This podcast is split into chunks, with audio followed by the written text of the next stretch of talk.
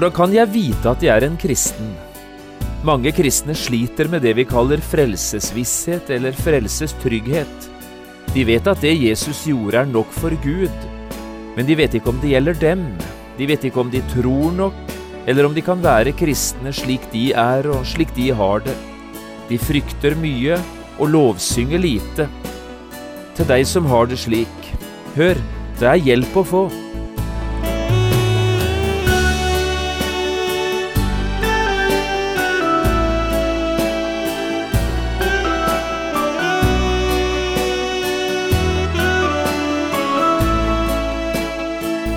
Hjertelig velkommen til et nytt program i serien Vindu mot livet. Programmet er produsert av Kristen Riksradio og blir ledet av Jon Hardang. Kristen Riksradio drives av frivillige gaver. Vi er glade for din støtte.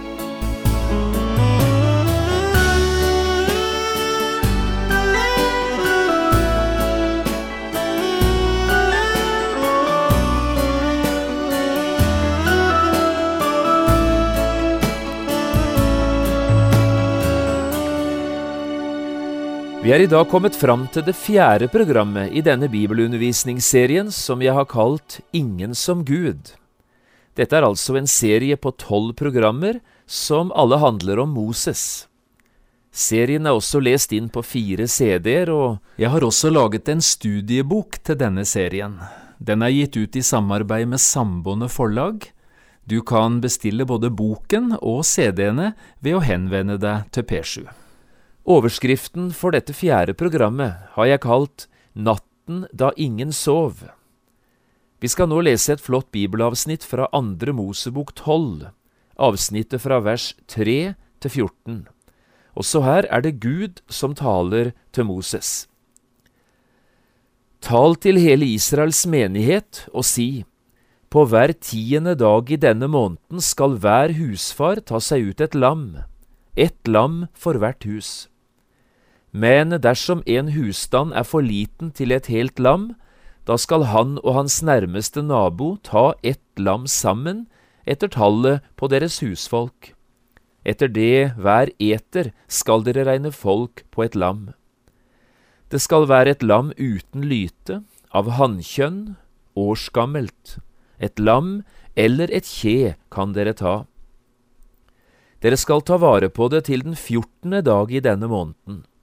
Da skal hele Israels samlede menighet slakte det mellom de to aftenstunder.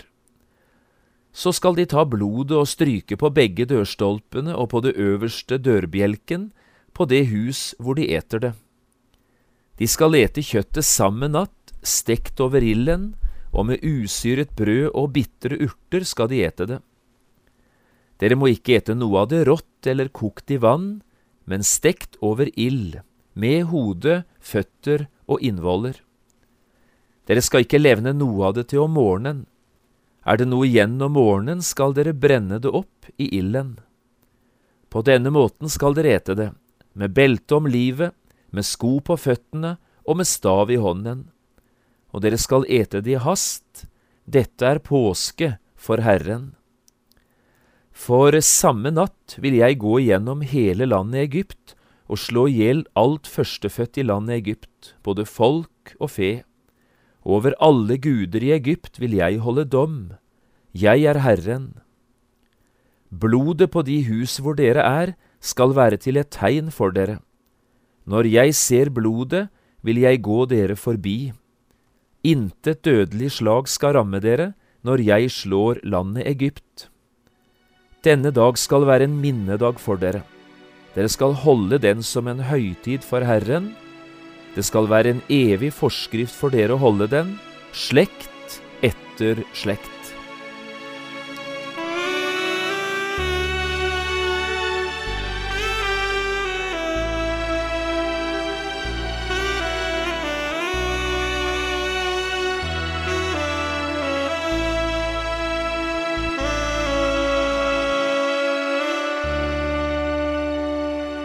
Påsken er den største og viktigste kristne høytiden, blir det ofte sagt. Jeg tror det er helt riktig. Det som skjedde med Jesus under den store påskehøytiden i Jerusalem, det er selve fundamentet i den kristne tro. Men mange tenker derfor at påskehøytiden er noe som ble til på grunn av dette med Jesus, hans død og hans oppstandelse. Men det blir galt. Påsken er langt eldre enn bare 2000 år gammel. Jødefolket hadde feiret påske i nesten 1500 år før Jesus døde ute på Golgata. Påskehøytiden ble altså ikke innstiftet på grunn av Jesu døde oppstandelse. Tvert imot, Jesus døde i forbindelse med en påskehøytid som hadde vært feiret gjennom mange, mange generasjoner. Hva feiret egentlig jødene påske til minne om? Hva er historien om påskens opprinnelse? Ja, det spørsmålet skal vi se litt nærmere på i dette programmet. Historien om den første påsken er historien om natten da ingen sov. Og denne natten har med historien om Moses å gjøre. Moses hadde nemlig fått beskjed fra Gud om å føre israelsfolket ut av Egypt. Flere ganger hadde han gått til farao og sagt, La mitt folk fare, sier Israels Gud. Men farao hadde sagt nei, flere ganger. Og dermed begynte Guds dom å ramme egypterne. Den ene plagen avløste den andre og det skulle i alt bli ti plager som rammet egypterne. Det syntes flere ganger som om farao ville bøye av og gi etter for Guds krav, men da faren var over, så gjorde han seg hard igjen og strammet bare grepet enda hardere til omkring israelittene. Men så, en dag, ble den siste plagen forkynt. En dødsdom skal ramme landet Egypt, alle førstefødte både av folk og fe skal slås i hjel natten mellom den 14. og den 15. i måneden Nisan. Israelittene selv skulle derimot ikke rammes av denne dødsdommen. Etter Guds befaling forkynte Moses dette for israelsfolket. Hver eneste jødisk familie må slakte et lam. Noe av blodet fra det slaktede lammet skulle strykes utenpå dørstolpene og på det øverste dørtreet i de husene der israelittene oppholdt seg denne natten. Og Gud sa, Når jeg ser blodet, vil jeg gå dere forbi.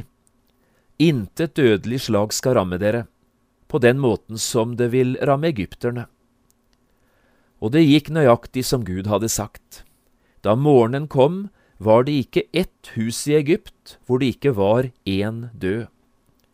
Men blant israelittene var det ingen som var rammet av dødsdommen. Og dette ble den endelige og konkrete årsaken til at Israel, hele folket, fikk lov å forlate Egypt, for så å reise hjem til sitt eget land. Selve ordet påske betyr forbigang og nå forstår du med denne bakgrunnen hvorfor. Gud gikk forbi de blodbestrøkne dørene i Egypt.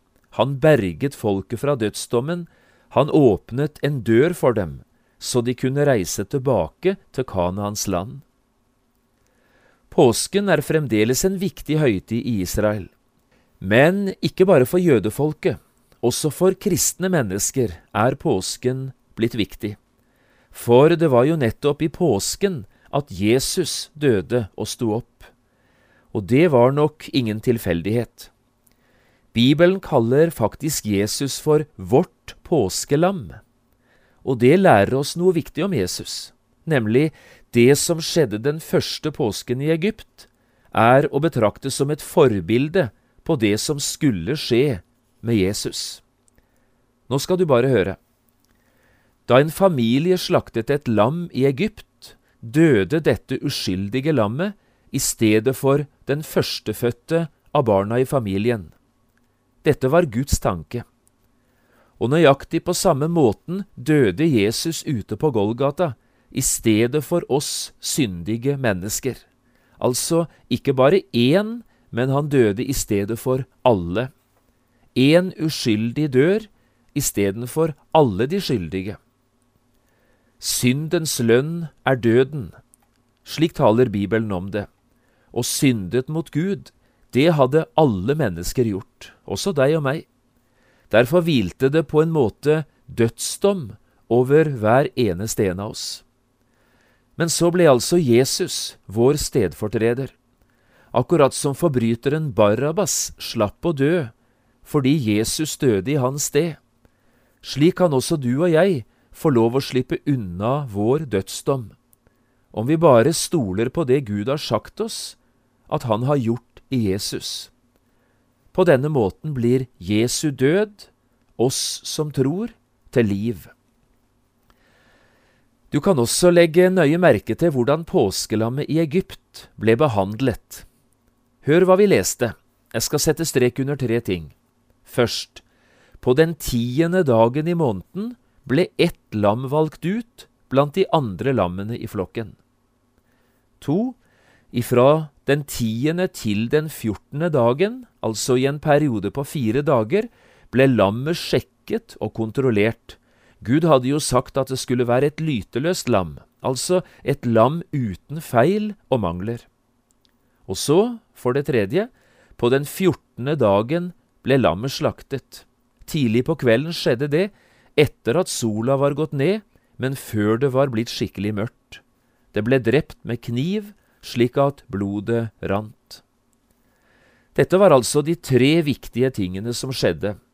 Lammet ble tatt ut, lammet ble prøvet, og lammet ble slaktet.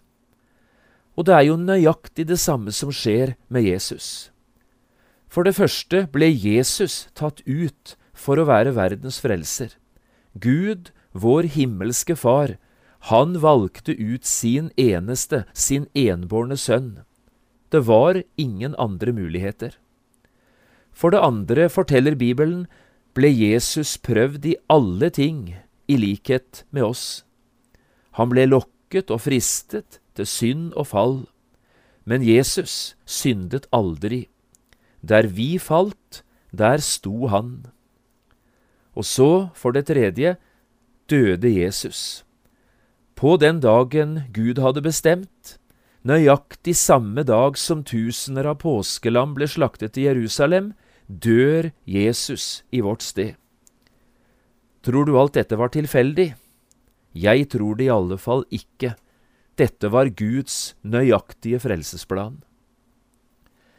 Det som skjedde i Egypt på Moses' tid, gjaldt selvfølgelig Guds folk, Israel. Men det som skjedde med Jesus, det gjelder alle mennesker, uansett folkeslag. Det gjelder deg, og det gjelder meg. Se der Guds lam som bærer verdens synd. Slik ble det en gang sagt om Jesus. Så viktig at vi får se Jesus på denne måten. Så viktig at vi forstår hva dette betyr, at Jesus nå er vårt påskelam. Ja, for hvis vi får tak i dette, da har vi kontakt med det viktigste, med selve sentrum i hele Guds frelsesverk. Historien om natten da ingen sov, har også mye å lære oss når det gjelder dette som vi kaller for frelsesvisshet. La oss prøve å se for oss en situasjon i Egypt. Det går en mann gjennom en egyptisk by like før klokka tolv denne dødsnatten i Egypt. Han banker på dørene i to forskjellige israelittiske hus. Først går mannen til det ene huset. Han banker på, men det er ingen som svarer. Han banker litt hardere, men det er fortsatt intet svar. Når han så kjenner på døra, oppdager han at den er åpen, og dermed går mannen inn. Og her inne, i et svakt opplyst rom, sitter en familie. Store og små, livredde, ser alle på mannen som kommer inn. Hvorfor er dere så redde? spør den besøkende mannen. Hvorfor gråter dere? Er du den eneste mann her i byen? svarer husfaren. Er du den eneste som ikke vet hva som skal skje i natt? Har du ikke hørt at alle førstefødte i Egypt vil dø i natt? Skal denne gutten dø i natt, spør mannen, og så peker han på eldste sønnen i familien. Nei, faren drar litt på det, Moses, lederen vår, han har forklart, og så forteller han den besøkende alt om lammet og blodet. Så går mannen videre til et annet hus. Akkurat det samme skjer igjen. Nå er det bare én forskjell. Når ingen åpner døren for mannen, eh, så er det fordi de ikke hører bankingen. Denne familien sitter i en sterk, inderlig lovsang til Gud. Sangen stilner av når den besøkende kommer inn i rommet. Hvordan kan dere synge i natt, spør mannen. Vet dere ikke hva slags natt dette er? Vet dere ikke hva som skal skje i natt med alle førstefødte i Egypt? Dette er en dødsnatt. Jo, svarer faren, det vet vi, det har vi hørt, men her er vi trygge. Og så forteller han om Moses og hva de har fått beskjed om å gjøre med lammet og med blodet. Så du ikke blodet på dørstolpene? spør husfaren. Jo, svarer mannen, ja, men det er derfor vi synger. Her er vi trygge, vi er frelst ved lammets blod. Mange kristne sliter med det vi kaller frelsesvisshet, eller frelsestrygghet. De vet at det Jesus gjorde, det er nok for Gud. Men de vet ikke om det gjelder dem, de vet ikke om de tror nok, eller om de kan være trygge slik som de er og på den måten de har det. De frykter mye, men det er lite av sang. Denne tenkte situasjonen som jeg har fortalt deg nå om de to besøkende, denne mannen som besøkte de to husene i Egypt, denne fortalte jeg i en ungdomsskoleklasse på Karmøy for mange år siden. Og etter å ha fortalt, spurte jeg hvem av disse to familiene i Egypt var mest trygge, de som gråt eller de som sang? De som sang, selvfølgelig, svarte ei jente kjapt. Ja, hvor mange av dere andre er enige, spurte jeg. De aller fleste hendene kom i været. Da de skjønte at jeg ikke var helt fornøyd med det svaret, ble det litt stille, og så sa plutselig en gutt, nei, selvfølgelig var de jo like trygge, ja, for var det ikke blod på alle dørene? Jo, det er akkurat det som er saken. Det avgjørende i spørsmålet om frelsesvisshet er ikke hvordan vi føler det, men hvor vi er. Det viktigste er ikke om vi gråter eller synger, men at vi har tatt på alvor og innrettet oss etter ordet om Jesus, altså at vi har tatt vår tilflukt til Han. Her blir frelsesvissheten født. Ellers var det et ganske spesielt måltid de spiste, familiene med blod på dørstolpene. Menyen var selvsagt spesiell, i alle fall i forhold til oss som bor i Norge i dag, og påkledningen når det gjaldt dem som satt rundt bordet, den var også spesiell. Det er alle enige om. Men eh, i dette er det en del viktige ting som du og jeg kan lære som kristne i dag. La meg få sette strek under fire ting. For det første, Måltidet skulle spises inne i huset. Innenfor frelsesdøren, om du vil. Dette var jo det eneste sikre stedet som fantes. Bare her innenfor døren gjaldt lammets blod istedenfor den førstefødtes liv. Inne i huset kunne de riktignok ikke se blodet. Ingen av de som var der inne, men Gud så det. Og det er jo det avgjørende, hva Gud ser. Også i dag er det bare ett sted du er trygg. Det er i Kristus. For det andre, alle måtte spise sin del av lammet. Det avgjørende var ikke hvor mye eller hvor lite de spiste, men det viktigste var at alle spiste sin del. Alle dem som tok imot Jesus, dem ga Gud rett til å bli Guds barn, de som tror på Hans navn, sier Johannes 1,12. Jesus døde for alle mennesker, men det er bare den som tar sin tilflukt til Jesus, som får del i det Jesus har gjort. For det tredje, lammet skulle spises med usyret brød og bitre urter. Usyret brød er et brød som ikke hever seg fordi det lages uten gjær eller surdeig. I Bibelen brukes surdeig som et bilde på to vidt forskjellige ting vranglære og synd. Så viktig det er at ikke vi blander våre egne tanker og meninger inn i budskapet om Jesus. Og så viktig det er at ikke vi prøver å kombinere Jesuslivet med å leve et liv i aktiv synd. Og så det fjerde. Måltidet skulle spises med ytterklærne på, altså i reisedrakten. Hele familien satt på en måte fullt påkledd, med belte om livet, sko på føttene og stav i hånden. Det må ha vært et merkelig syn, men vi forstår hvorfor, ikke sant? Utgangen av Egypt, den nærmet seg, og når signalet lød, måtte alle være klar til avreise. En dag skal også de kristne ut på reise. Det blir den siste reisen vi gjør som mennesker. Enten døden kommer og henter oss, eller Jesus kommer igjen for å hente oss til himmelen. Hvem får være med den dagen? Hvem er reiseklar? Ja, det er den som tror på Jesus, han som bar all verdens synd, vårt påskelam. Det er skrevet mange fine sanger om Guds lam og om lammets blod. La meg få lov å sitere litt fra en av disse sangene nå til slutt i dag. I 1836 ble det skrevet en sang av en av de få kvinnelige lederne som sto fram i den haugianske vekkelsen i Norge på 1800-tallet.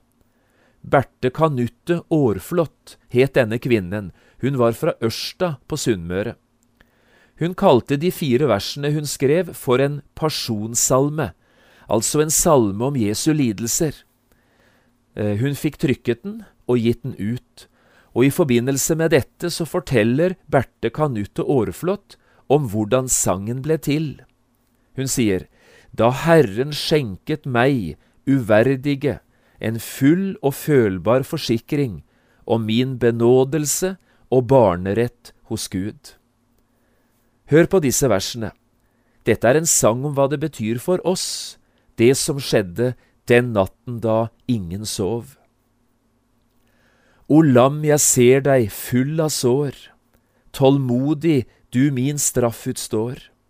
Hver dråpe blod forkynner meg. Se her hvor høyt jeg elsker deg.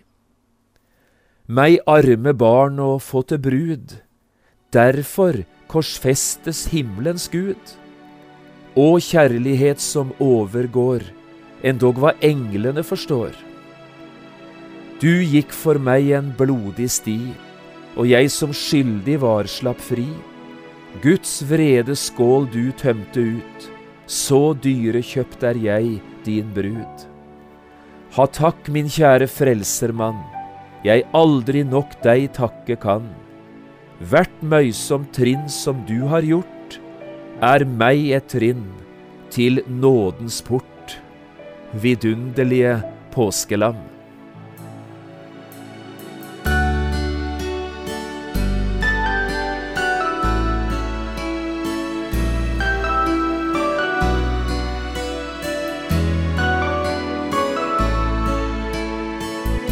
Du har lyttet til et program i serien Vindu mot livet med John Hardang. Programmene i denne serien kan også kjøpes på CD fra Kristen Riksradio, eller høres på internett på p7.no. Har du spørsmål eller kommentarer til det du nå har hørt, kan du ta kontakt med oss. Adressen er Kristen Riksradio, Skiene 2, 5353 Straume. Eller send en e-post vml alfakrøll p7.no. Takk for i dag, og på gjenhør.